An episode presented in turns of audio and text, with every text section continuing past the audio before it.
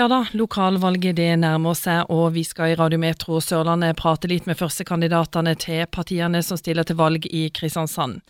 Harald Fure, ordfører i Kristiansand. Aller først, hvordan har det vært å være ordfører i Kristiansand nå i fire år? Det er veldig eh, meningsfylt, hyggelig og travelt.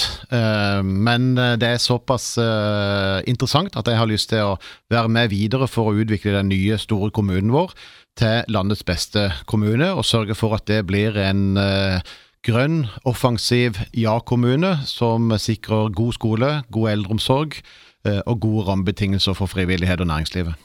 Var du i tvil om at du ville ta fire nye år?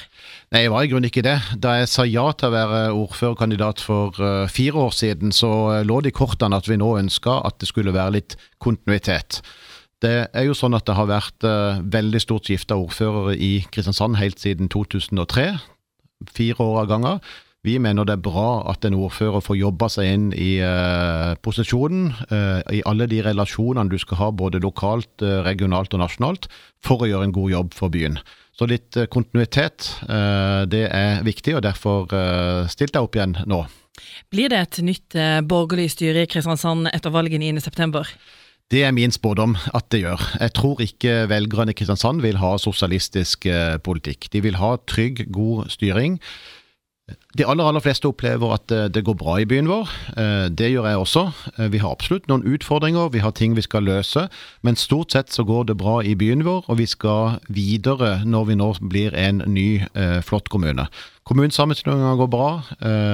Vi skal levere gode tjenester til innbyggerne. Og jeg tror at flertallet i byen kommer til å støtte opp under et av de partiene som ønsker å fortsette den flotte utviklinga vi er inne i. Vi skal snakke om noen saker som jeg vet engasjerer byens befolkning, befolkning, veldig, og det ene er jo da selvfølgelig kunstsiloen. Hvorfor var kunstsiloen så veldig viktig for Høyre?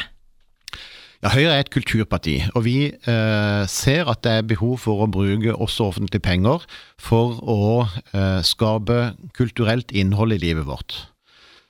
Kunstsiloen er jo en, eh, et flott eh, samarbeid mellom det offentlige og private. Her er det altså en privat eh, person som eh, både stiller kunst eller flere hundre millioner kroner til disposisjon, eh, og i tillegg bidrar med over 100 millioner kroner i bygg.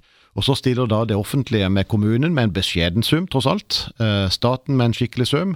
Kultiva opp og andre private opp for å bidra til å få bygd dette, som blir en flott attraksjon for uh, Kristiansand og for uh, Norge. Det er et prosjekt til 600 millioner. Kommunen bidrar med 50 millioner, uh, så under 10% er det Kristiansand kommune skal bidra med. Eh, de store investeringene for oss er jo ny kulturskole til over 200 eh, millioner. Vi holder på med ny Vils minneskole som skal koste 250, ny Kringsjåskole som koster 250 millioner. Så i det perspektivet så er selvfølgelig 50 millioner mye penger, men vi får fantastisk mye ut av det bidraget fra kommunen inn i eh, kunstsiloen.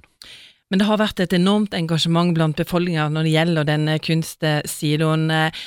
Føler du at dere på en måte går imot eh, befolkninga når dere nå har vedtatt kunstsiloen?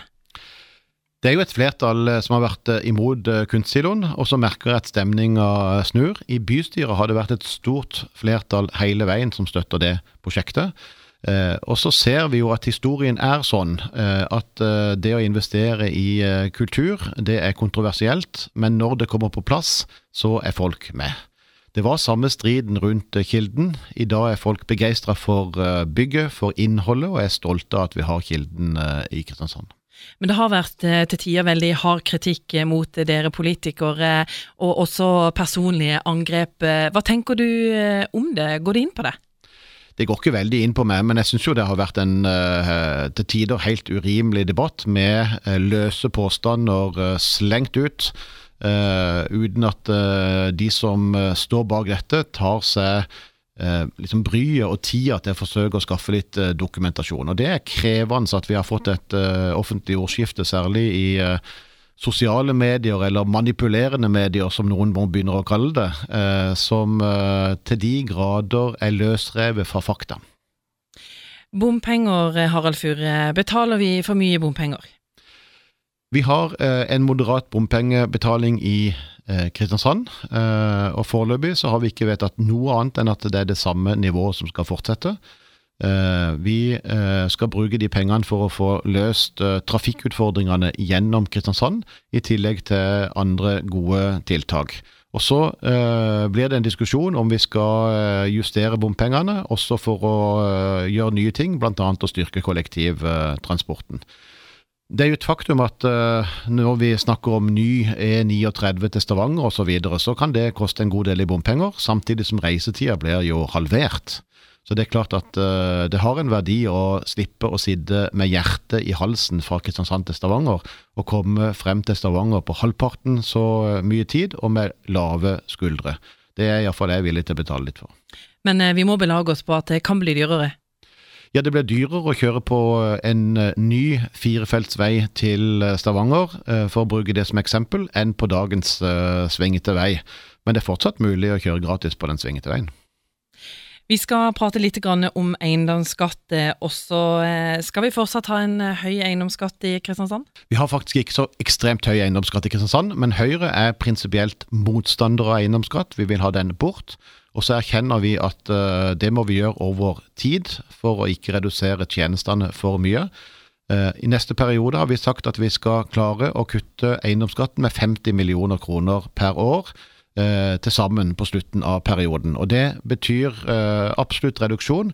Også i de fire årene vi har bak oss nå, har vi redusert eiendomsskatten, og for så vidt i perioden før det også. Så vi har lagt bak oss åtte år med gradvis redusert eiendomsskatt, og vi skal videre i forhold til det. Bedre kollektivtransport, bedre veier, eller ja takk, begge deler? Ja, begge deler eh, er vårt eh, svar. Vi sier køfri og klimavennlig transport. Køfri fordi at vi må bygge veier, men vi er veldig opptatt av hva som er oppå de veiene. Det bør i størst mulig grad være elbiler.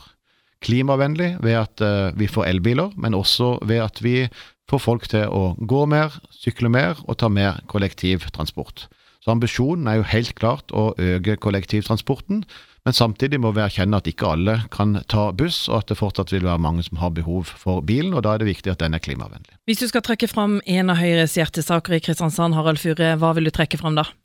For Høyre er det å sikre barna våre en veldig god oppvekst sak nummer én. Kvalitet og mestring i barnehage og i skole gjennom gode lærere, gode rammebetingelser for læring, det er alfa og omega. Vi må sørge for at eh, alle lærer å regne, lese og skrive i løpet av de ti årene de går uh, i grunnskolen. Det er det som sikrer at de kommer gjennom videregående skole uh, og lærlingetid. Og gjennom å få en god oppvekst, så skaper vi mennesker som takler livet seinere. Og politikkens formål etter Høyres mening, det er jo å legge rammene for at folk skal leve gode liv, og det livet de selv ønsker.